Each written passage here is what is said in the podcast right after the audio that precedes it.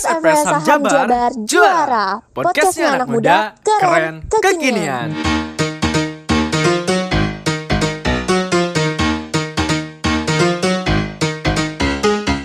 Assalamualaikum warahmatullahi wabarakatuh. Sampurasun. Salam sejahtera. Shalom. Om Swastiastu, Namo Buddhaya. Salam kebajikan. Rahayu. Halo peserta didik baru tahun ajaran baru 2020-2021. Bagaimana? Apakah bahagia mengikuti kegiatan masa pengenalan lingkungan sekolah? Bagaimana rasanya mendapatkan teman baru? Pasti seru ya. Tapi jangan lupa untuk selalu menaati protokol kesehatan dalam masa adaptasi kebiasaan baru di masa pandemi COVID-19 dengan senantiasa menggunakan masker, membawa hand sanitizer, selalu cuci tangan pakai sabun di air mengalir, dan selalu menjaga jarak. Mari lawan corona dengan cinta. Dalam kesempatan kali ini, saya Alicia, Duta Hukum dan HAM Jawa Barat, akan menyampaikan salah satu materi dalam masa pengenalan lingkungan sekolah, yaitu Kadarkum keluarga, sadar hukum. Baik teman-teman, jadi sebelum masuk ke materi kadarkum, di sini saya akan menjelaskan terlebih dahulu definisi dari keluarga, definisi dari kesadaran, dan definisi dari hukum. Yang pertama, definisi keluarga. Menurut Friedman, 1998, dikutip oleh Suprajitno, Keluarga adalah kumpulan dua orang atau lebih yang hidup bersama dengan keterikatan aturan emosi dan individu mempunyai peran masing-masing yang merupakan bagian dari keluarga. Definisi kesadaran menurut Hasibuan adalah sikap seseorang yang secara sukarela menaati semua peraturan dan sadar akan tugas dan tanggung jawabnya.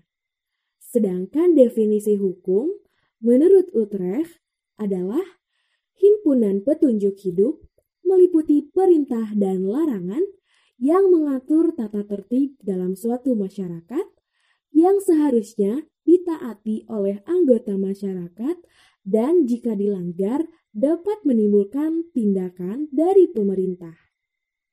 Selanjutnya, pengetahuan kesadaran hukum. Tahu nggak sih teman-teman, kesadaran hukum itu perlu banget. Karena apa? Yang pertama, wajib dilaksanakan semua pihak atau warga negara. Karena hukum adalah suatu sistem yang digunakan untuk mengatur. Yang kedua, munculnya hukum adanya manusia. Karena hukum mengatur norma kehidupan masyarakat. Yang ketiga, fungsi hukum adalah untuk mengatur semua aturan kehidupan serta regulasi. Dan yang keempat, hukum adalah sanksi dalam pengaturan jalannya roda pemerintahan. Hukum dan sanksi sejatinya tidak pernah bisa terjadi apabila kesadaran hukumnya tinggi, serta hukum tidak pernah mengikat, kecuali atas dasar kesadaran hukum yang dimiliki oleh masyarakat itu sendiri. Nah, selanjutnya teman-teman semua harus paham mengenai kesadaran hukum. Gimana sih caranya biar bisa paham tentang kesadaran hukum? Tentunya teman-teman semua harus didasari dengan pengetahuan tentang hukum, pemahaman akan hukum, kesadaran tentang kewajiban hukum, kita terhadap orang lain, dan menerima hukum. Karena yang pasti harus kita taati. Selanjutnya, bagaimana agar bisa terwujud kesadaran hukum itu? Nah, terwujudnya kesadaran hukum bisa melalui tindakan, yang mana meliputi sanksi dan penghargaan.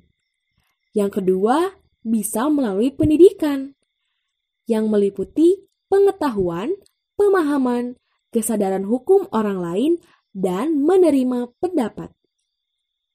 Yang ketiga, bisa melalui kampanye. Kampanye bisa dalam bentuk pengenalan terhadap hukum. Selanjutnya, apa sih keluarga sadar hukum itu? Yang pertama kali harus kita tahu adalah mengenai dasar hukum dari keluarga sadar hukum. Pertama, Peraturan Menteri Hukum dan Hak Asasi Manusia Republik Indonesia nomor M.01 strip PR titik 08 titik 10 tahun 2007 tentang perubahan atas Peraturan Menteri Hukum dan Hak Asasi Manusia Republik Indonesia nomor M.01 strip PR titik 08 titik 10 tahun 2006 tentang pola penyuluhan hukum. Kedua, Peraturan Kepala Badan Pembinaan Hukum Nasional Departemen Hukum dan Hak Asasi Manusia Republik Indonesia nomor PHN titik HN titik 03 titik 05 strip 73 tahun 2008 tentang pembentukan dan pembinaan keluarga sadar hukum dan desa garis miring kelurahan sadar hukum. Ketiga, lampiran 5 Peraturan Kepala Badan Pembinaan Hukum Nasional nomor PHN titik HN titik 03 titik 05 strip 73 tahun 2008 tentang pembentukan dan pembinaan keluarga sadar hukum dan desa garis miring kelurahan sadar hukum. Keempat, Peraturan Gubernur Jawa Barat nomor 83 tahun 2009 tentang pedoman penyuluhan hukum di Jawa Barat. Dan yang kelima, Peraturan Gubernur Jawa Barat nomor 15 tahun 2014 tentang petunjuk teknis lomba desa atau kelurahan sadar hukum. Definisi kesadaran hukum adalah nilai-nilai yang hidup di dalam setiap aparatur dan masyarakat dalam bentuk pemahaman dan ketaatan atau kepatuhan terhadap norma hukum dan peraturan perundang-undangan. Definisi keluarga sadar hukum yang selanjutnya disebut kadarkum adalah wadah yang berfungsi menghimpun warga masyarakat yang dengan kemauannya berusaha sendiri untuk meningkatkan kesadaran hukum bagi dirinya. Definisi pembinaan adalah suatu upaya peningkatan kualitas bagi tenaga penyuluhan, kelompok sasaran penyuluhan hukum, dan materi penyuluhan hukum. Tujuannya adalah mewujudkan kesadaran hukum aparatur masyarakat sehingga setiap aparatur dan anggota masyarakat menyadari hak dan kewajibannya sebagai warga negara dan mewujudkan budaya hukum dalam sikap dan perilaku yang sadar, patuh, dan taat terhadap hukum, serta menghormati hak asasi manusia. Selanjutnya, indikator kesadaran hukum. Yang pertama, pengetahuan tentang peraturan-peraturan hukum atau law awareness. Yang kedua, pengetahuan tentang isi peraturan-peraturan hukum atau law acquaintance. Yang ketiga, sikap terhadap peraturan-peraturan hukum atau legal attitude. Yang keempat, pola-pola perilakuan hukum atau legal behavior, hak asasi manusia, dan kewajiban pelajar.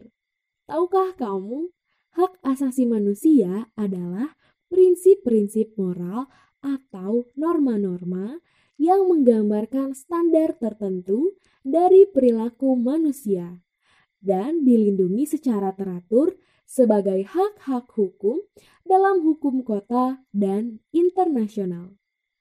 Menurut John Locke, hak asasi manusia adalah hak yang dibawa manusia sejak lahir dan secara kodrati melekat. Karenanya, tak bisa diganggu gugat sebab sifatnya mutlak. Teman-teman tahu nggak sih, macam-macam HAM itu ada apa aja? Macam-macam HAM itu ada banyak sekali.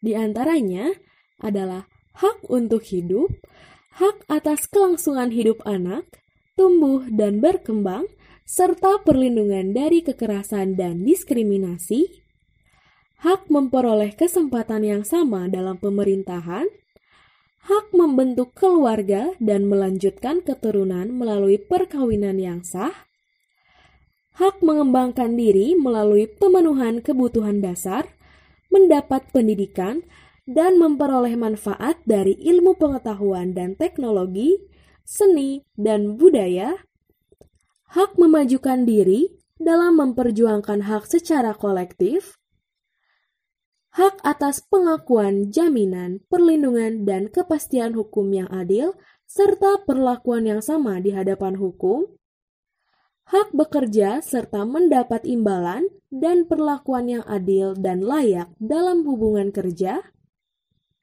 berhak atas status kewarganegaraan, kebebasan memeluk agama dan beribadah menurut agamanya, memilih pendidikan dan pengajaran, memilih pekerjaan, memilih kewarganegaraan, memilih tempat tinggal di wilayah negara dan meninggalkannya, serta berhak kembali berhak untuk berkomunikasi dan memperoleh informasi untuk mengembangkan pribadi dan lingkungan sosialnya, berhak atas kebebasan meyakini kepercayaan, menyatakan pikiran dan sikap sesuai dengan hati nurani, berhak atas kebebasan berserikat, berkumpul, dan mengeluarkan pendapat, berhak atas perlindungan diri pribadi, keluarga, kehormatan, martabat dan harta benda, serta berhak atas rasa aman dan perlindungan dari ancaman ketakutan,